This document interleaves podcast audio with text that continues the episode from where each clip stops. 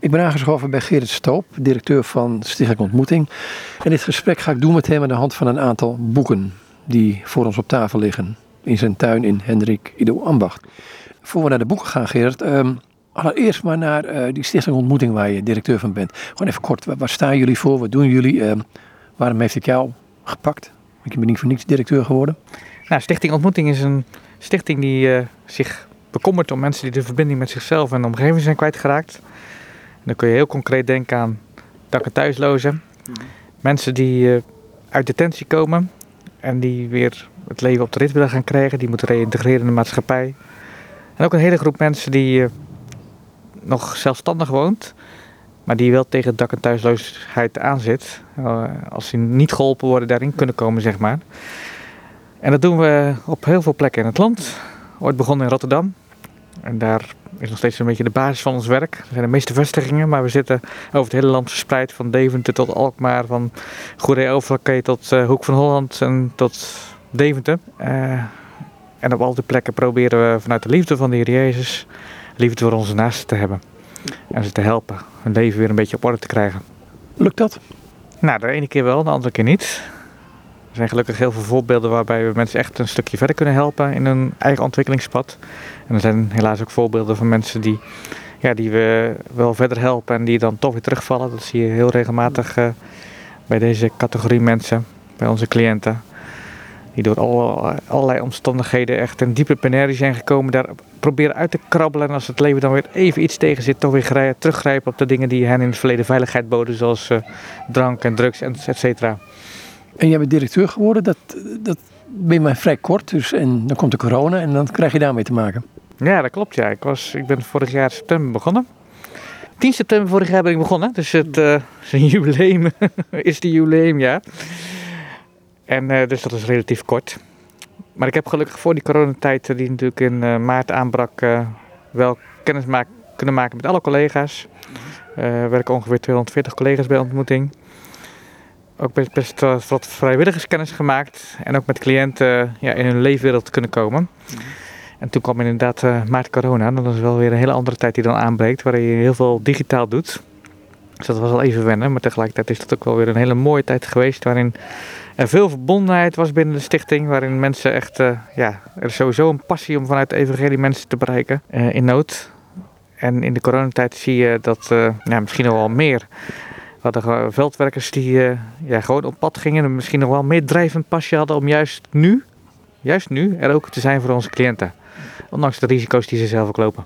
Ja, de ontmoeting is toch ontmoeting. En dat is geen, met een schermpje heb ik geen ontmoeting moet ik zeggen. Ja, het kan wel even helpen, maar toch niet echt. Nee, dat is natuurlijk echt balans zoeken. Echt ontmoeting is toch de fysieke ontmoeting. Maar we hebben ook wel ontdekt, moet ik ook gewoon eerlijk over zijn, dat uh, de ontmoeting via het scherm dat, dat toch best ook echt een ontmoeting kan zijn. Dat we best veel met cliënten kunnen doen. En er was ook gewoon geweldig veel creativiteit bij collega's om mensen digitaal te bereiken. Collega's hebben filmpjes gemaakt over allerlei dingen, hoe mensen eh, verder geholpen kunnen worden, zeg maar concrete aanwijzingen. Echt heel veel creativiteit. Dus echt ontmoeting is natuurlijk inderdaad fysiek, zoals wij nu aan tafel zitten hier uh, heerlijk in de tuin. Maar uh, er kan ook digitaal wel echt ontmoeting plaatsvinden. Dat hebben we wel ervaren, zeker. Maar het is wel zoeken, want het heeft, zijn grenzen. Er ligt in een boek van, uh, we zouden dit gesprek aan de hand van boeken doen. Er ligt in een boek van Dave Wilkerson, Het Kruis Asphalt Jungle. Dat was al een, um, een begrip in mijn tijd, toen ik jong was, een tijd geleden. Um, vertaald in 32 talen, 15 miljoen exemplaren. Nederlandse editie 120.000 exemplaren, dus het is pittig. Um, nou ja, de hamvraag. Ik denk veel mensen kennen het, maar ook veel weer niet. Waar gaat het over? Ik ken het boek niet. Toen ik het gelezen had en er mensen over vertelde, zei iedereen zo'n beetje tegen mij van... Uh, ja, dat heb ik gelezen inderdaad. Maar ik had het nooit gelezen, ik had het nooit voor gehoord. Maar ik kreeg dit boek aangereikt uh, in de tijd dat ik uh, ja, de vacature bij ontmoeting open stond. En ik nadacht van, ja, is dat wat voor mij? Ik werd er eigenlijk gelijk door gegrepen door die vacature. Maar ik had allerlei bedenkingen. Ik had verbonden aan een onderneming. En ik dacht dat het Gods weg was om dat pad te gaan. En toen kwam ineens een ontmoeting tussendoor. En dat sprak me gelijk aan, maar ja, ik wist niet zo wat ik ermee aan moest. En toen kreeg ik juist in die tijd kreeg ik dit boek aangereikt uh, van uh, iemand uh, bij mij in de gemeente. Die niet wist dat ik die worsteling ook had met ontmoeting. Ja, dat boekje dat gaat over dominee David Wilkerson. Die in Amerika ja, tot de ontdekking komt van, hij, hij, is daar dominee in een gemeente, plattelandsgemeente. Hij komt een keer in een grote stad, ziet daar de nood van jongelui, straatbendes die echt op straat ja, tot heel veel problemen veroorzaken. De problematiek van straatbenden was toen, en misschien nu ook, nu, dat weet ik eigenlijk niet zo, maar was toen in ieder geval heel groot. En hij krijgt, ja, dan ontstaat bij hem ook de vraag, moet ik daar wat mee of niet? ik wil mijn vraag met, niet met zijn vraag vergelijken, maar hij had ook zo'n vraag van uh, dat hij op een kruispunt in zijn leven stond. En dacht van, ja, wat moet ik daarmee? En God uh, leidt hem dan ook allerlei, door allerlei aanwijzingen eigenlijk uh, dat hij toch in New York echt werk moet gaan doen.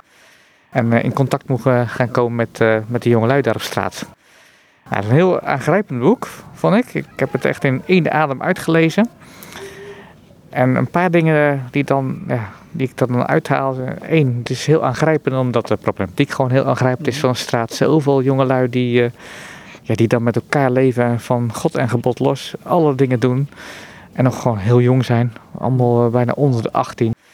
Uh, eh, die strijd hebben met elkaar, die elkaar uitmoorden, letterlijk.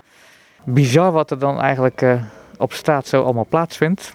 En die dominee die dan probeert in die wereld te komen en probeert in contact te komen met, uh, met de jongelui.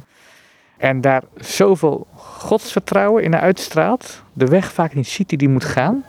Maar in gebed gaat met God. En dan toch wel ook telkens weer concrete aanwijzingen krijgt wat hij moet gaan doen. Vond ik echt uh, heel opvallend. En dat uh, was ook wel een spiegel voor mij. Want je ziet hoeveel godsvertrouwen dat die man had. En hoe dicht hij bij God leefde. En hoe hij alles in gebed uh, aan God voorlegt. En daarop hele concrete antwoorden ook krijgt. En vaak niet gelijk ook. Soms ook... Ja, dat is misschien ook wel de weg waar God regelmatig in werkt. Dat hij niet gelijk antwoord geeft. Maar op zijn tijd antwoord geeft. Maar dan is het wel precies op tijd. En genoeg. Uh, geld wat nodig is om dat werk te gaan doen. En waar dan afspraken over gemaakt worden. En dat er op de ja, ene laatste dag eigenlijk nog niet is voordat de deadline sluit. Waar ze dat concrete geld gewoon nodig hebben. En dat er echt op de laatste dag dat geld komt. Ja, dat verzin je gewoon niet zelf. Dat is echt heel, echt heel mooi. Heel, echt heel bijzonder. Ik ben echt door dat boekje echt ja, heel erg aangesproken. En de liefde vooral waarmee hij ja, vanuit de relatie met God uh, die jongelui uh, probeert in contact te brengen met Jezus. En hij ontmoet daar een, uh, een jongen, Nicky. Die heeft zelf later ook een boek geschreven, Nicky Cruz. En hij zegt dan, hij brengt dan de boodschap bij die jongen van Nicky, Jezus houdt van jou. Dat is ook een heel mooi lied van gemaakt door Christian Verwoerd. Moeite waard om dat te luisteren. Nicky, Jezus houdt van jou. Ja, en die, die jongen weet niet wat hem overkomt. Die denkt, die dominee is gek. Het, klinkt heel naïef allemaal dit, hè? Het, het, klinkt, het klinkt zo naïef. En toch komt het binnen en doet, gaat zijn werk doen. Want die jongen die moet er eerst helemaal niks van hebben. Uh, die is fysiek zelfs gewelddadig tegen de dominee. En die dominee blijft gewoon in zijn spoor gaan en contact met de jongen zoeken. En die jongen weet niet wat hij daarmee aan moet. En ja, komt op een gegeven moment toch, wordt toch geraakt en uh, wordt hij uitgenodigd voor een bijeenkomst uh, om te komen. En uh, is hij helemaal niet van plan. En toch, ja, uiteindelijk, daar ben ik van overtuigd, gedreven door de geest, gaat hij toch. En wordt er gereid door het evangelie van Jezus Christus. Ook voor Nicky. Ja, dat is gewoon heel ontroerend mooi. Zit, daar, zit daar iets in van godsvertrouwen? Want we hebben altijd de neiging te denken, ja, je kunt God niet voor je karretje spannen. Dat hoor je nogal, hoor je nogal vaak. Maar dit klinkt anders. Ja, bij die dominee zie je zoveel godsvertrouwen je ziet dan ook dat God daadwerkelijk gewoon heel concreet werkt. Dat uh, jongens, meisjes van de straat tot geloof en bekering gekomen en andere dingen gaan doen. Die de meest verschrikkelijke dingen gedaan hebben. Nou, dat. Uh, soms zoeken wij als christenen wel eens naar een bewijs van God. Bestaat God nou echt? Nou, als je bewijs wil hebben dat God bestaat, uh, als je ziet hoe daar gewerkt is in Amerika, uh, onder andere daar bij die straatbendes, dat verzin je niet zelf. Dat kan alleen God doen. Daar ben ik zelf van overtuigd. En dat is inderdaad echt vanuit Gods vertrouwen. Ja, dat zijn, zijn indrukwekkende verhalen. Ook de voorbeelden die erin staan. Ik ga naar je eigen leven toe. Je bent op de Keilerweg geweest. Um, daar hoorde jij ook een verhaal. Wat je eigenlijk je leven een beetje op zijn kop zetten. Op, op je manier van denken, geloven op zijn kop zetten. Ja, wij kwamen daar, uh, ik was samen met mijn vrouw aan het soep schenken voor uh. Toen was er nog de prostitutiezone in de Kellerweg Rotterdam. En we kwamen daar, een, uh, nou, er kwam daar een vrouw Die was eh, net bezig geweest met haar werk tussen aanhalingstekens en zat trekken in een kop soep. Dus ze komt met ons in gesprek. Ze begint, nou een heel gesprek, en ze begint te getuigen over het geloof in de Heer Jezus. Dat was, vond ik toen, ik was toen misschien wel twintig jaar geleden of zo. Dat vond ik toen zo bijzonder. Dat, dat matchte gewoon niet in mijn hoofd. Een vrouw die haar lichaam verkoopt, aan het werk is, tussendoor even soep komt halen en getuigt over haar uh, geloof in Heer Jezus. Hoe ze geraakt is en vervolgens weer aan, ook aan het werk gaat. En dat heeft mij wel heel bijzonder geraakt. Omdat ik uh, op dat moment er misschien niet zo heel veel mee kon. Maar later dacht, die vrouw is echt niet anders dan ik. Ik heb ook uh, mogen getuigen van het geloof in de Heer Jezus. En hoe vaak in mijn eigen leven ga ik toch weer eigen, mijn eigen pad. En de meeste mensen merken dat gewoon eens. Dat ik uh, zonde doe. Dat ik uh, worstel met God. Dat ik strijd met God. Dat ik tegen zijn geboden inga. Mijn eigen weg ga. Dat is voor de meeste mensen allemaal verborgen. Maar ik ben echt niet anders dan die vrouw. En die vrouw die heeft ook haar geloofsweg te gaan. Natuurlijk wil God niet dat ze in dat leven blijft. Daar ben ik van overtuigd. Maar het is niet zo als God gaat werken dat het gelijk je leven in één keer radicaal anders is. Die gebrokenheid uh, van de Bijbel, die je ook terugziet in de Bijbel, ook in de, de brieven van Paulus. Ja, die, die, die zie je ook terug in de levens van mensen, ook in de levens van onze cliënten van ontmoeting. Maar dat betekent niet dat God niet er werkt. En dat betekent ook niet dat ze allemaal gelijk maar in de kerk komen en, ons, en in ons evangelisch of reformatorische spoor gaan. Die mensen die hebben een eigen ontwikkelingsgang met God. En uh, ze spreken ook een taal uh, die niet uh, gelijk onze taal is. Maar als je daarin de liefde tot God, tot de Heer Jezus proeft, wat Hij deed voor hen. Ja, dan, dan voel ik me verbonden. Ondanks dat onze werelden zo verschillend zijn. Zit er een barst in het godsbeeld dat jij had? Of komt er een barst in het godsbeeld dat jij had? Nou, meer, meer een, een barst in mijn eigen beelden, denk ik, als een beeld in het uh, gods, godsbeeld. Nou, ik, ik bedoel het beeld wat jij had. Ja. Nou, misschien had ik op dat moment nog wel een beeld van God die inderdaad uh, mensen tot geloof en bekering brengt, dat het dan leven daarna ook radicaal anders is. Uiteindelijk is mijn beeld van God inderdaad, uh, komt ook nog wel terug in de andere boeken die we zo uh, even aan de orde hebben, denk ik, is wel veranderd. Ik, ik denk dat in onze kring, en zeker in de reformatorische kring, het godsbeeld zo vaak te ver afstaat van wie God werkelijk is. God is ten diepste zo met ons bewogen, zoveel liefde, zoveel barmhartigheid. En wil ons raken, wil ons treffen in ons leven en wil ons tot Hem brengen en wil, wil dat wij gaan getuigen en van Hem en Zijn naam beleiden. En God heeft ook die andere kant, die heilige kant. Maar ja, de liefde is toch de basis waarmee Hij uh, ons wil raken, zeg maar. Daar ben ik zo van overtuigd en dan komt die andere kant echt wel vanzelf wel. Ja, lijkt me ook. Er ligt in een boekje, um, ja maar. Excuses en tegenwerpingen die er kunnen zijn bij het komen tot Christus. Um, je kunt het ook smoesjes noemen, maar goed. Of, of misschien wel het feit dat je in een, voorkomen... Um, wat ik ook een keer hoorde van, van een dominee, die zei ja... hij was dominee, zegt, toen heb ik Jezus leren kennen, want toen kwam hij achter de theologie vandaan. Hè, dat kan ook nog een keer. maar dit boekje, ja maar. Want dat is natuurlijk, dat zeg je nu in wezen net ook. Van, er waren zo van die ja-maars eigenlijk, waardoor je het niet goed kon zien. En dan kom je zo'n prostituee tegen en denk je, hallo. Ja, dat, uh, dit boekje vond ik ook een aangrijpend boekje, omdat ik uh, nou, zelf met die ja-maars ook wel geworsteld heb. Mm.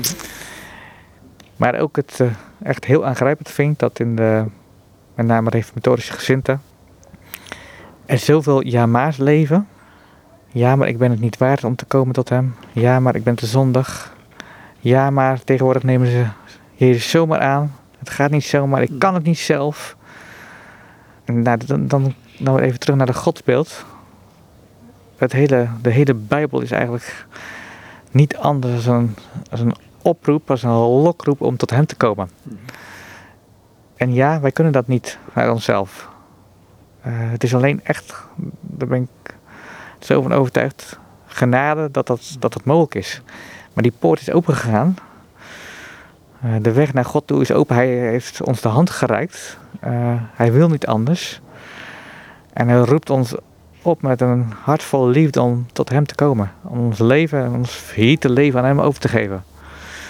En ja, die jama's zijn zo'n belemmering voor veel mensen in onze kringen om tot hem te komen. Vaak ja, helemaal door opgegroeid in een bepaalde traditie. Ook in een uh, bepaald soort prediking. Waar die jama's helaas. Uh, ik wil er eigenlijk niet. Uh, het is niet de bedoeling om af te geven op prediking, maar helaas toch wel soms tot normen verheven worden. Dat het logisch is, dat het hoort bij het christenleven, dat die jama's er zijn. Maar ik geloof dat, dat God niet anders wil dat we ons hele leven aan Hem overgeven. En dat we leven vanuit relatie met Hem in diepe verwondering dat Hij ons heeft willen redden. Door genade alleen. En dat we vanuit dat leven mogen staan in deze maatschappij. Dienstbaar mogen zijn. Hem mogen loven en prijzen. Ja, en ook dan ook in dat leven telkens weer onszelf tegenkomen. Dat er zoveel zonden en gebreken zijn. Uh, en voor mij is zelf een groot wonder dat, uh, ja, ook in die gebrokenheid, ik heb elke dag te maken met uh, Romeinen 7. Ik ellendig mens, als ik het goede wil doen, dan ligt het kwade me bij. Dat maak ik elke dag in mijn leven mee, maar uh, dan tegelijkertijd in een besef, ik dank God in Christus Jezus dat Hij dat offer heeft gebracht. Voor al, voor al mijn zonden, voor ook al die zonden die ik ook dagelijks doe. En dat is geen goed praten van de zonden die ik doe, maar dat is wel ja, de heerlijke ontspannende wetenschap dat hij voor alles geleden heeft, dat hij daarvoor aan het kruis is gegaan. Ja, die, die vrijheid, die, zou ik, die, die gun ik iedereen. Want als je leert in vrijheid te staan en in de, in de vrijheid die Christus ons gegeven heeft, dan dat is zo'n ontspannen en heerlijk leven. En dat betekent niet dat we niet uh, heilig moeten leven, dat we alles maar kunnen doen, zeker niet. Maar dan, uit liefde tot hem wil je eigenlijk niet anders. Maar, en zie je inderdaad ook echt ja, elke dag ook je gebrokenheid en ook je eigen falen daarin. En dan mocht je telkens weer naar hem toe. Dat zie je natuurlijk ook in de Bijbel. Er zijn zoveel mensen die van hem afwijken. Uh, heel de Bijbel is dat als het ware een soort, uh, hoe noem je dat, een, uh, een repeat functie zit erop. Het volk Israël wijkt weer af van God. Krijgt het dan ook weer te maken met de andere kant van God, ook de toren van God daarover. Maar worden tegelijkertijd ook weer telkens tot hem teruggeroepen. Hoe ver dat ze ook van hem afgeweken zijn. Nou, dat vind ik een groot wonder. Je zei net uh, bij de titel van het boekje Ja maar. Ik had ook een aantal van die ja maar's. Kun je er een aantal van benoemen en, en vertellen hoe dit bij jou, um, hoe die bij jou met gegaan? Um, wat het bij jou teweeg heeft gebracht?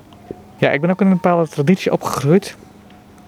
Waarin de, de verkiezing toch wel voorop stond. En niet uh, de verkiezing eerder als een uh, deur op slot als dat een poort die open staat. Mm -hmm. En nou, ik ben relatief jonge leeftijd, ik was denk ik een jaar of 22, uh, tot de ontdekking gekomen dat, uh, dat de verkiezing juist een poort is. Waardoor we binnen kunnen gaan. Dat dat eigenlijk de enige mogelijkheid is waardoor we tot God kunnen gaan. Uh, maar ik had inderdaad ook die bedenkingen van, ja, ben ik, voel ik mijn zonde, ervaar ik die wel genoeg? Nee, die ervaar ik nooit genoeg. zie ik mijn zonde wel genoeg? Nee, het is nog veel erger dan dat ik zelf zie. God uh, is veel heiliger dan dat wij uh, ooit kunnen beseffen. En de zonden tegen hem zijn veel erger dan dat wij uh, zelf doorhebben. maar zijn genade is ook nog veel ruimer en veel groter dan dat wij zelf beseffen. Nou, dat heb ik mogen leren zien inderdaad. En dan op een gegeven moment dan val je vallen al die ja-maar's weg en kun je niet anders doen dan uh, je overgeven aan Gods genade eigenlijk. Gewoon een stukje voorlezen uit het boekje. Gewoon een klein willekeurig stukje om even de smaak te pakken te krijgen. Ja, maar ik ben het niet waard om hem te komen. Ik ben te zondig. Je hebt maar gedeeltelijk gelijk, want je bent in Gods ogen veel onreiner, veel zondiger dan je denkt. Zelfs je gerechtigheden zijn voor God een wegwerpelijk kleed. Overigens, wanneer je denkt, denk je dat je de genade wel waard bent.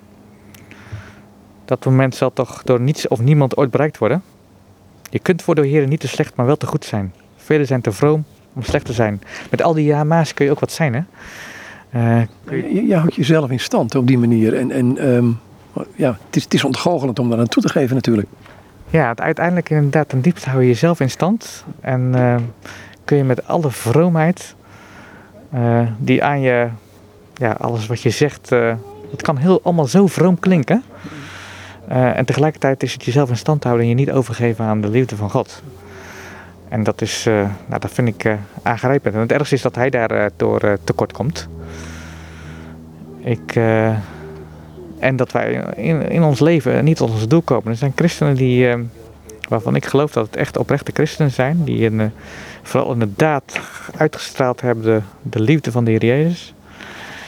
En toch door de traditie waarin ze opgegroeid zijn en uh, ja, hoe ze het altijd meegekregen hebben, daar niet van durven getuigen. En dan, nou, ik was een keer op een begrafenis en de dominee zei toen, als een soort, hij bedoelde dat goed, aan zijn intenties wil ik echt totaal niet af Maar hij zei toen, Gods kinderen gaan vaak stil over de landen. En uiteindelijk nou, was het toch ook zijn conclusie dat het wel een kind van God was. Ondanks dat ze er eigenlijk nooit over gesproken had in haar leven. En ik denk dat dat, hoewel goed bedoeld, zo onbijbels is.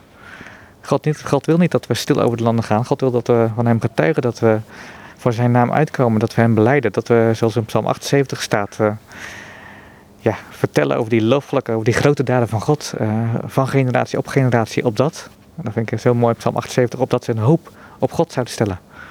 God moet, uh, wordt zo vaak afgeschilderd als iemand die, die heilig is en die toont over de zonde. En dat er zo'n grote kloof is gekomen tussen hem en ons. En dat is ook zo. maar in, in Jezus is die kloof wel overbrugd en wil hij niet anders dan dat we ons leven aan hem geven, kwijtraken aan hem. Ja, die, je zegt je leven kwijtraken. Is dat niet ook de grondslag van heel veel van Jan Maarsen? Misschien herhaal ik nu de vraag die ik net stelde op een andere manier. Dat onze autonomie, ons, wij willen het voor het zeggen hebben, toch maar willen bewaren. Terwijl overgeven God betekent ook dat jij veel meer Gerard wordt natuurlijk.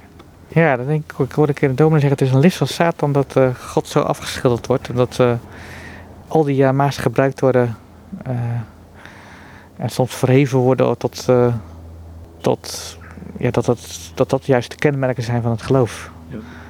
Maar al onze jama's zijn ongeloof. En zolang wij niet tot, tot overgave komen tot hem, is het ongeloof is, ongeloof is de grootste zonde. Ja. En dat, ja, dan hou je uiteindelijk jezelf in stand. En uh, ik, ik, wil, ik zeg dit met een bepaalde schuchterheid, want het laatste wat ik wil oproepen is dat ik beter ben, of dat ik anders ben. nou, in mezelf had ik ook nooit verder gekomen als de Jama's. Ik geloof, het is zozeer het werk van God, zijn genade, zijn werk, dat Hij wil doen. Als ik naar mezelf kijk, is het helemaal niks. Wordt het niks, zal het niks worden. Maar als ik naar God kijk, dan is er zoveel mogelijk. En wij, ja, wij hebben zo'n grote God die we mogen dienen, die ik ook niet altijd begrijp, die, waar ik ook mee strijd en waar ik toch in geloof. Er staat op, op dat getuigen, hè, er staat in openbaring komt het ook voor. Uh, die getuigen, of die spreken over God en getuigen van Jezus. Dat is profiteren. Dat, dat staat er herhaaldelijk. Een aantal keren staat dat erin. Ja.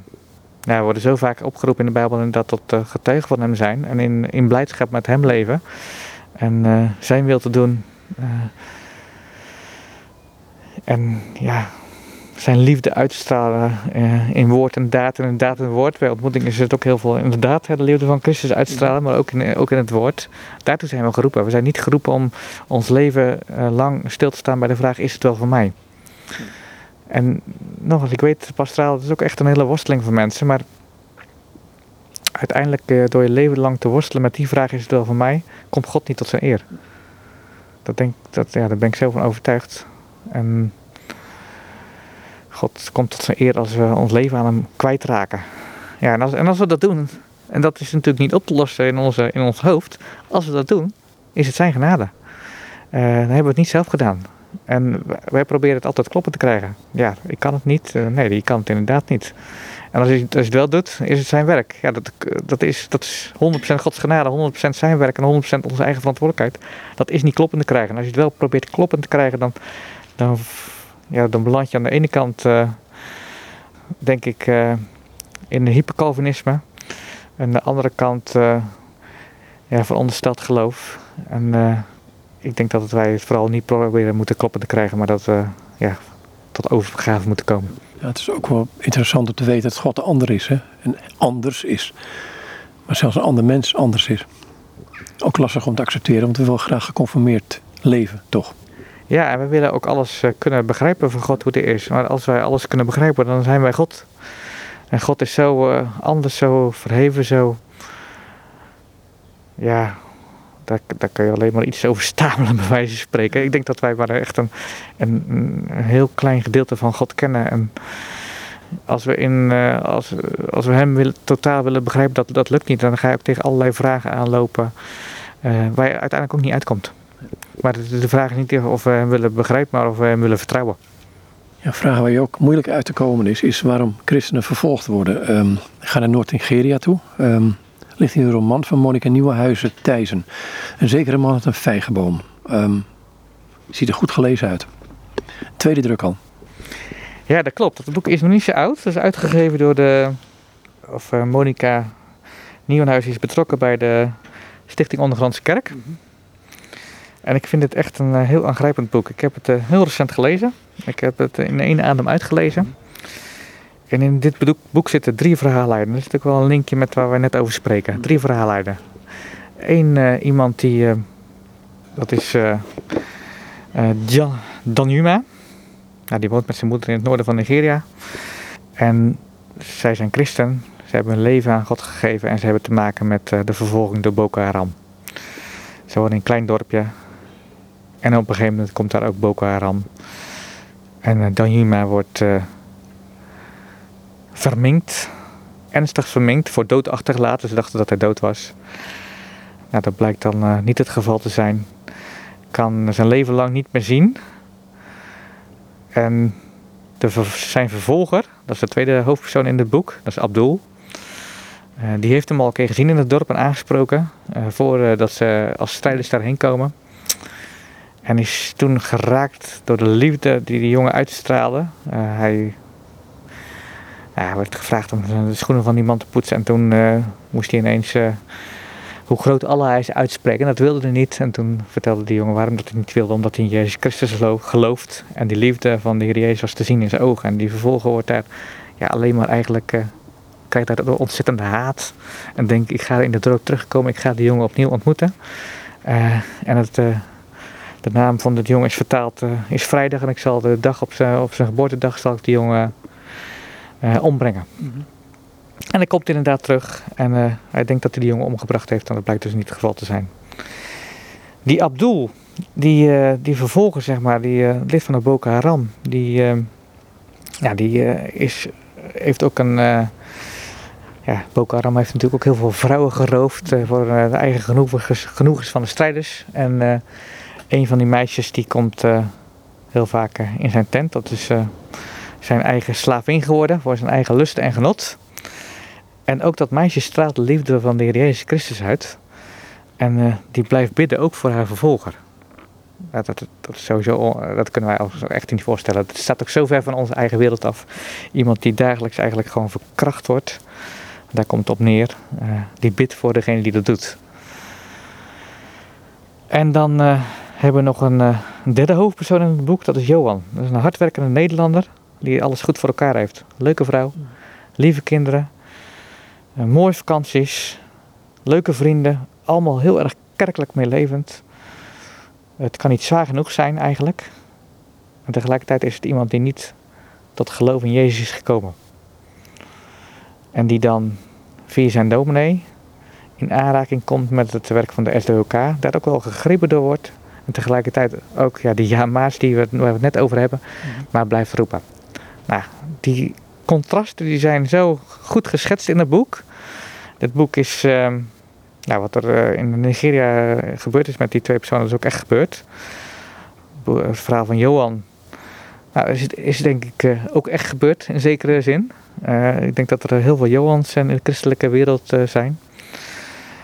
En ja, dat, dat, dat, dat is zo contrast, zeg maar. Iemand die, die met die ja-maas van het geloof leeft en allerlei uitvluchten zoekt om zijn leven maar niet over te geven. En dan het leven van een Danjuma die zo getuigt in woord en daad van de Heer Jezus. Terwijl die, uh, ja, de omstandigheden daar zo ongelooflijk ver afstaan van wat hier de werkelijkheid is. Heel aangrijpend. Als je zo'n boek leest, hè. Um wat voor gedachten heb je dan? Want ik, ik vind, ik, heb zelfs zoiets lees, of lees van mensen die vervolgd worden, denk ik. En ik heb het ook al meegemaakt met moslims die christen zijn geworden, die weten dat ze vervolgd gaan worden, en toch. Dat aspect. Um, dat je hier misschien een straatje om zou gaan en denken, nou ik hou mijn mond maar een keer een dag dicht. Um, hebben wij zo spreken, we zijn allemaal heel fatsoenlijk. Um, daar gaan zij er wel voor. Maar soms ook op een hele ja, ze leven gewoon een dagelijks leven. Ja, dat is gewoon heel bijzonder. Want uh, nou, er zijn ook christenen in diezelfde streek die uh, uit die streek weggingen, wegvluchten voor Boko Haram. Uh, en daarbij het beeld hadden in de kerk in waarschijnlijk Zuid-Nigeria. daar is alles een stuk makkelijker. Er is ook veel meer rijkdom. Dus dat, dat lokt aan. En die Danjuma en zijn moeder, die, die vader is al vermoord door de Boko Haram die hebben de bewuste keuze gemaakt om daar te blijven. Omdat ze geloven dat als ze naar uh, een plek gaan waar dat allemaal veel makkelijker is, dat het ook hun relatie met God aan gaat tasten. Nou, dat vind ik echt uh, heel confronterend. Wij leven hier zo in een luxe land waar het allemaal zo makkelijk is. Relatief makkelijk is in ieder geval om te geloven. En misschien is dat wel onze grootste vijand hier in Nederland. Dat dat het dat het veel te makkelijk is en dat we de echte strijd niet ervaren. En die mensen door de strijd heen is de relatie met Jezus zo diep. Nou, daar ben ik super jaloers op. Waarom? En, ik kan ook vragen van hoe hou jij die relatie in stand? Want jij zit hier in. Je zit met thuislozen, daklozen, werk je. Um, vervolgens kerk is natuurlijk iets heel anders weer. Maar toch, hoe hou je die relatie met Christus in stand als je in deze welvaart leeft? Ja, als ik hier omheen kijk, maar prima allemaal. Dus ja, hebben wij God eigenlijk al nodig? Nou, we hebben hem keihard nodig, alleen we zien het heel vaak denk ik zelf niet. Ik ook niet. En uh, de enige manier om de relatie in stand te houden is uh, veel met hem bezig te zijn, in relatie met hem te zijn in, in woord en gebed. Nou, dan schiet, dan schiet ik ook ten opzichte van uh, ja, wat die christenen daar doen ook heel veel tekort gewoon. Ja. En het, ja, ook, om ook de relatie in stand te houden helpt ook het lezen van dit boek en het zien dat het elders zo want het is de vraag uiteindelijk wie er beter af is. Of zij al beter af zijn dan wij. Het zou wel kunnen zijn dat zij veel beter af zijn. In die zin dat hun relatie met Jezus zoveel dieper is dan dat wij die hebben. Ik was op een keer op een uh, dag van uh, Open Doors. Waarin ook een christin getuigde van de liefde van God. Ook uit Nigeria. De man was uh, voor haar ogen gedood door Boko Haram. En die zit daar hier in Nederland te, uh, op de Open Doorsdag te getuigen van de liefde van Jezus. Nou, dat vind ik echt uh, heel bijzonder. En als je bewijzen van het geloof zoekt, dan uh, nou, die liggen voor het oprapen als je dit, dit, soort verhalen hoort, zou ik zeggen.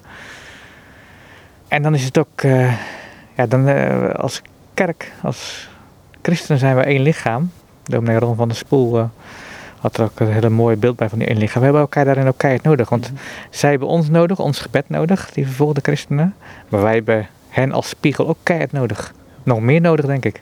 Een stukje het voorlezen, gewoon een klein stukje hoor. Het, um, om even, um, want het is gedocumenteerd. Het is, het is gebaseerd op een aantal historische gebeurtenissen.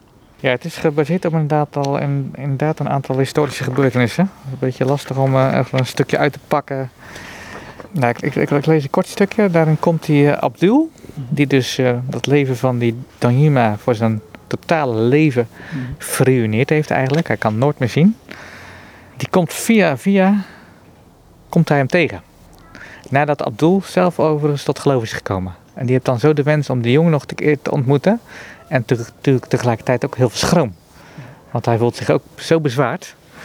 En die komt daar dan uh, bij uh, die uh, Danjuma binnen. En dan zegt hij, waarom ben je nou teruggekomen? En dan zegt Abdul, Jezus. Hij richt zich tot de jongen. Jezus is aan mij verschenen in een droom. Ik heb Jezus lief gekregen.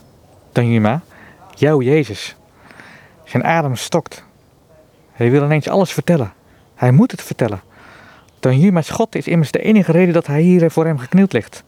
Aan hem heeft hij alles te danken. Door hem kom hij vanuit de duisternis in het licht. Ik heb Jezus jaren geleden voor het eerst gezien, gaat hij verder. En wat haat ik hem. Ik barstte van haat. Ik zag hem in jouw ogen. Ik kon het niet verdragen. Totdat ik zag het licht. Ik zag het kruis. En daarom, ik moest terug naar jou. Vergeef me. Vergeef me.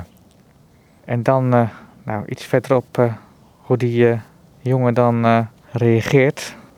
Een hand, een trillende hand die zoekt. De hand stoot even tegen zijn voorhoofd en klimt dan omhoog naar zijn haar. En daar blijft de hand liggen.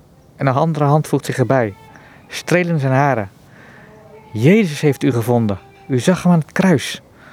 Er klinkt verwondering door in zijn stem. Aanbidding, dat ook. Tanjuma heeft zijn gehavende gezicht opgeheven. Tranen druipen uit zijn ene oog, dat oog dat niet ziet. Jawel, het ziet wel iets, het ziet alles, het ziet de liefde. De vergevende liefde van Jezus. Ik ben u nooit vergeten, zegt Dan- Danjuma. Zijn stem klinkt blij. Ik heb altijd voor u gebeden. U, die de liefde niet had en niet wist wat u deed. U, met ogen zo zwart als de nacht. Ik heb altijd gevraagd of u de liefde en genade van de Heer Jezus zou mogen ontvangen. Hij glimlacht, smartelijk even als hij zijn handen tastend langs zijn eigen gezicht, zijn eigen ogen en littekens laat gaan. Wat zou ik graag eens in uw ogen kijken. Ze zullen er nu zo anders uitzien, dat weet ik zeker. Nou, dat is een bijzonder stukje gewoon. Dat kan alleen eh, als de liefde van God je geraakt heeft. Dat je je vijand vergeeft, die je zoveel aangedaan heeft. Ik moet ook aan Paulus denken op die weg naar Damascus. Hè? En, en, eh, Jezus die grijpt al in voordat hij één gebed naar hem opgezonden heeft. Hè? Ja, dat gebeurt hier natuurlijk eigenlijk ook al. Op het moment dat hij die eh, liefde van Jezus in de ogen van de jongen ziet, is, is God al lang aan het werken in, in zijn leven. Alleen hij ziet het niet en hij barst op dat moment nog van haat. Het is lastig om die liefde van Jezus te herkennen, maar ook toe te laten. Ja, ik denk dat ehm, voor jezelf ja, maar in, in de ogen van anderen. Ja, ik zie eh, als mensen de, de liefde van God uitstralen, dat is merkbaar, vast, tastbaar, voelbaar bijna, denk ik. En natuurlijk is dat bij de een veel meer dan bij de ander. Zeker. Echt een heel vervelend boekje nog. Ehm of vervelend boekje. Het gaat over de dood van een kind. Onze lieve Levi. Ehm, dat is hier in de buurt gebeurd. Ja, dat klopt. Onze lieve Levi. Dat is geschreven door eh, een vrienden van ons, de ouders. Levi eh, was een ehm, eentje van een tweeling. En dat leventje, leventje van eh, nou, onze vrienden, dat ging waarschijnlijk ook allemaal eh, over rozen, zeg maar. Het ging allemaal goed. En toen kreeg dat eh, jongetje op acht jaar, of acht maanden, kreeg een tumor. En komt in het ziekenhuis terecht. En eigenlijk in, nou, iets meer dan een maand glijdt dat leven af en sterft Levi. En dat heb ik persoonlijk als een, nou dat is ook een jongetje uit eh, onze gemeente. Dat is al inmiddels eh, 16 jaar geleden. Eh, als een hele echt aangrijpende tijd ervaren. Heel recent eh, heeft dus de oma van eh, deze jongen al die herinneringen aan Piet toevertrouwd. Of de opa en oma eigenlijk. En ik heb dat eh, ook in één adem weer uitgelezen en er kwam weer zoveel terug. En wat er dan terugkomt is vooral eh, ja, ook, ook toch het werk van God weer eh, hierin. Op dat moment eh, konden wij dat totaal niet begrijpen. Het jongetje, acht maanden oud, eh, moest sterven. We hebben ontzettend veel gebeden als eh, vrienden, als gemeente ook, dat hij weer beter mocht worden. Maar God had een ander plan met zijn leven. En eh, nou, zijn ouders, zijn familie en wij geloven ook dat het jongetje nu veel beter af is dan dat hij door had geleefd. Is de aangrijpende werkelijkheid eigenlijk. En te- tegelijkertijd is, blijft dat natuurlijk ook verdrietig. Is er ook door zijn sterven heel veel in gang gezet, ook in de gemeente. Zijn mensen echt tot geloof gekomen. Op een gegeven moment eh, hadden wij een preek van onze eigen dominee toen, dominee van Dijk. En die, eh, dat ging over vergeving en genezing. Dat het eh, in de eerste plaats vergeving is en in de tweede plaats genezing. En die genezing kan komen, maar die vergeving staat voorop. Nou, toen viel het kwartje ook dat ja, als die jongen zijn, ook zijn, eh, zijn leven zeg maar, eh, in Jezus handen ligt, veilig in Jezus armen, dan is het natuurlijk als het mooi geweest als hij genezen was. Maar achteraf zie je dat het, eh, zijn sterven gebruikt is in de levens van best veel mensen om ja, een ander godsbeeld te krijgen en tot bekering en geloof te komen. Ook wel, ja, ook die vraag die dat dan oproept van, ja, was dit er dan allemaal voor nodig? Ook de schuldvraag die dat eigenlijk oproept. Dat zijn natuurlijk ook aangrijpende vragen. Maar het was inderdaad nodig. En het was Gods plan. Op dat moment dat het gebeurt, eh, zie je dat grote beduurwerk, zie je aan de achterkant, snap je de dingen niet.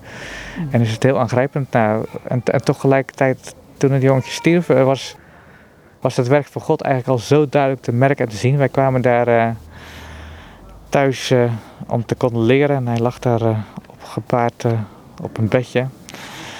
En er waren andere mensen en de liefde, je vroeg net van eh, hoe kan je de liefde van Jezus zien, ervaren. Eh, er was zoveel vrede in dat huis, zoveel verdriet en zoveel vrede tegelijkertijd. Het lag zo dicht bij elkaar. En ook die, eh, de begrafenisdienst. dat jongetje is naar, zoals de oude psalmberijming, psalm 43, na kortstondige ongeneugde verheugt hij zich eindeloos in zijn heiland. Uh, dat was zo merkbaar en proefbaar. Uh, en daardoor uh, was er verdriet en waren er tranen. Maar die waren niet alleen van verdriet, maar ook van, ook van heel veel vreugde gewoon. En dat, nou, er zijn weinig momenten in mijn leven dat ik dat zo diep ervaren heb. Dat het zo dicht bij elkaar kan leggen. Die vreugde en dat verdriet, maar ook die, ja, die vreugde en het verdriet zo dicht bij elkaar kunnen leggen. En dat Jezus en dat God zo dicht werkt. Maar tegelijkertijd, je zegt verdriet en blijdschap liggen, lijken wel met elkaar ver, verweven te zijn. Ja, dat klopt, ja. Ja, dat, dat is een. Uh, ja, er is bijna geen woorden aan te geven hoe je dat dan uh, kan ervaren. Maar uh, dat heeft denk ik ook heel erg te maken met het perspectief. Als je mag geloven in de Heer Jezus, dat Hij voor jou stierf, dat Hij in dit geval ook voor dit ventje stierf. En het perspectief hebben dat we ja, straks weer bij elkaar mogen zijn en God mogen dienen dan geeft dat gewoon uh, zo'n vreugde, ondanks het uh, verdriet van het verlies. En uh, ja, wie de, dan kan dat verlangen ook sterk zijn. Dat, dat, dat kindje maakt leven maakt God al lang groot. Daarboven juicht de grote schaar van kinderen voor, voor Gods troon. En ze zingen hun lied, prijs de Heer die voor ons aan het kruis uitstierf. Nou, vanwege de liefde van God, dat is gewoon heel mooi. En dan zei daar straks weer verenigd mogen zijn. De ouders, grootouders met dat kind, wij met elkaar als gelovige broeders en zusters in de Heren. Ja, dat is een geweldig perspectief en dat eh, kan ik wel eens naar verlangen. Tegelijkertijd is er nu het gemis. Ook nu nog. Ja, dat, dat gemis, dat, dat blijft zeker. Uh, ik merk ook uh, in de gesprekken die we daarover hebben, dat voor de, dat voor de ouders is dat een, iets wat levenslang meegaat gewoon. En ja, wat, maar ze hebben, daar, ja, ze hebben daar toch ook alle rust en vrede in, wetend wat het perspectief is, zeg maar. Dat betekent inderdaad niet dat het verdriet altijd uh, dat het weg is of zo. Maar dat er uh, vooral zicht is uh, op het perspectief. En natuurlijk schommelt dat heus wel eens. En komen dingen weer terug en grijpen die aan. Maar juist dat zicht op het perspectief, op zijn perspectief, op ons perspectief, ja, dat geeft de, de diepste vreugde en inhoud aan het leven. Tegelijkertijd zeg je, tenminste het ik uit de woorden, je moet het verdriet wel onder ogen durven zien. Je moet het wel durven, nou omarmen vind ik een groot woord, maar het is een deel van het leven en het is um, een gemis. Maar goed, het gemis dat is, kinderen krijg je voor je leven. Ja, nee, dat is, ja, dat is zeker. En nou, nu eh, in dit geval gaat het natuurlijk over een kind, maar een gemis en verdriet, dat is, is natuurlijk ook als je vader en moeder verliest of wat dan ook. Dat laat ook ja, de, gewoon de gebrokenheid van het leven zien ook een gevolg van de ernst eh, van de zonde. Want het is uh, ja, ook een gevolg van de zonde dat mensen sterven. Maar als je sterft, voor je sterft, sterf niet als je sterft. Dat mag je uitleggen. Als je sterft aan het kruis met Christus, dan sterf je voordat je sterft. En als je dan echt sterft, zeg maar, dan, is, uh, dan ga je leven. Net als, ja, dat is ook een mooi beeld van iemand die voor het vuurpeloton stond in de Tweede Wereldoorlog. En die zei tegen zijn ja, degene die hem dood gingen schieten, voordat dat gebeurde. Schiet gij doden, ik ga leven. dat is een hele diepe zin. Het echte leven is pas het leven met de Heere God. Dat begint overigens nu al op aarde. En dat zet zich dan voort. En dan heb je echt leven. Dan is sterven erven. Die gebrokenheid heb je altijd te maken, ook in het werk wat je doet voor Stichting Ontmoeting. Um, maar dan ga ik naar een heel ander aspect toe. Dat is een boek van Astrid Holleder, Judas. Um, denk ik, nou, um, een familiekroniek ik denk soms, van, wil ik dat wel lezen eigenlijk? Ja, heb ik ook even gedacht, maar ik heb het toch in één adem uh, uitgelezen. Ja, ik, vond het ook een heel aangrijpend boek. Beschreven vanuit uh, Astrid natuurlijk. De relatie met haar eh, broer Willem en hoe dat verloopt al in de vroege jeugd.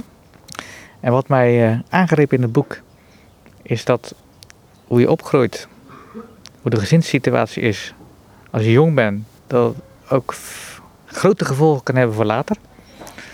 Dat zie je daadwerkelijk in dit boek gebeuren. Willem heeft gewoon nooit liefde meegekregen van zijn ouders. Een klein voorbeeldje. Ze moesten dan een eten opeten uh, aan tafel bij de maaltijd. En als ze dat niet deden, dan, uh, ja, dan kregen ze slaag. En een van die kinderen, ik weet niet of het Willem of uh, Astrid zelf was, geen idee meer, die ja, die kotst dan het eten uit omdat ze gewoon niet lekker is. En die moet dan haar eigen kots nog opeten. Nou, dat is een beetje, de, de- dat zegt iets over, dat is natuurlijk een heel vervelend verhaal. Maar dat zegt iets over de setting eh, waarbinnen ze opgegroeid. Hè? Ja, dat, dat, dat wreekt zich zo in het later leven. Dat, zet, nou, dat denk ik van hoe, hoe voed ik mijn kinderen op? Wat geef ik ze nu mee? Dan zie je ook de verantwoordelijkheid die je daarin hebt. En ja, je ziet, dat is gewoon een heel. eh, je ziet in dat boek twee lijnen. Van de ene kant is ze natuurlijk helemaal klaar met, eh, met haar broer. En ze, daar, ja, ze is ook niet voor niks naar buiten gekomen met de boeken met haar getuigenis. En aan de andere kant zie je ook nog ook die diepe verbondenheid die er toch door de bloedband is. Die, die, die gaat als het ware steeds dwars doorheen. Ja, dit, eh, ik vond het een aangrijpend boek om te lezen. En hoe zo'n familie jarenlang geterroriseerd kan worden, zeg maar, heel de familie eigenlijk eh, door de gebeurtenissen die plaatsvinden. De naam Judas, ehm, dat is ook degene die Jezus verraden. Maar goed, hoe moet ik dit hier zien? Nou, Astrid voelt zich eh, door haar getuigenis ook een soort Judas, omdat ze haar broer verraadt. En ze wil hem eigenlijk dood hebben. Nou, nee, ze, ze wordt, ze hebben ook een ander boek geschreven. Dus ze blijft een leven in angst zolang hij niet dood is. Eh, gelooft zij dat zij niet veilig is. En tegelijkertijd proef je ook nog indirect eigenlijk toch ook die band met de broer. Het liefst zou ze denk ik anders willen. Eh, dat ze gewoon een hele fijne en gezonde band met de broer zou hebben. Ja, dat is gewoon, dat is gewoon triest. Ja, dan ben je directeur van Stichting Ontmoeting. En jullie hebben onder andere te maken met mensen die ehm, in het reïntegratieproces komen als ze uit de gevangenis komen. Ehm, stel zo'n jong komt vrij, die komt bij jullie aan, aankloppen. Wat ga je hem zeggen? Of hoe ga je ermee om, moet ik eigenlijk zeggen? Goeie vraag. Ook dan eh, proberen we ernaast te staan. Natuurlijk, bij ons komen ook mensen die hebben echt van alles op hun kerststok. En ook voor die mensen geldt dat we in woord en daad, en daad en woord, de lieden van Jezus proberen uit te stralen. En voor, wij geloven dat voor iedereen die, eh, die zijn Jezus, leven aan Jezus geeft, dat er eh, vergeving en genade is. En we doen dat ook in het besef dat we zelf echt niet beter zijn dan een Willem Holleder of wat dan ook. Ik zou overigens wel, ik wel eerlijk bij zeggen, als we Willem Holleder uit de detentie eh, in Epe zouden krijgen, dat, is, eh, ja, dat, is toch wel, dat zou toch wel best apart zijn. Dan denk je toch wel even na van, eh, is dat wat ik wil? En toch, eh, eigenlijk maakt het niet uit inderdaad. Mensen hebben allemaal eigen leven gehad, allemaal eigen dingen. Is door ook, ook eh, door de geschiedenis eh, gekomen. En wat wij willen met ontmoeting is niet anders dan dat ze in daad en woord eh, eh, de liefde van de Heer Jezus ervaren. En dat ze hun leven weer op de rit krijgen. En ook voor Willem Holleder is er eh, eh, geloof en bekering mogelijk. Dat geloof ik vast. Ik ga naar een ander boek toe, voor dit een heel moeilijk gesprek gaat worden. ehm, van John Piper, ehm, Geroepen tot vreugde. En dan staat eronder de gevaarlijke plicht van iedere christen. Ehm, nou, dat woordje gevaarlijk, plicht, voor iedere christen. En is de titel Geroepen tot vreugde. Ik bedoel, mensen willen over het algemeen toch wel vreugdevol leven, denk ik. Ik weet niet of het helemaal zo is.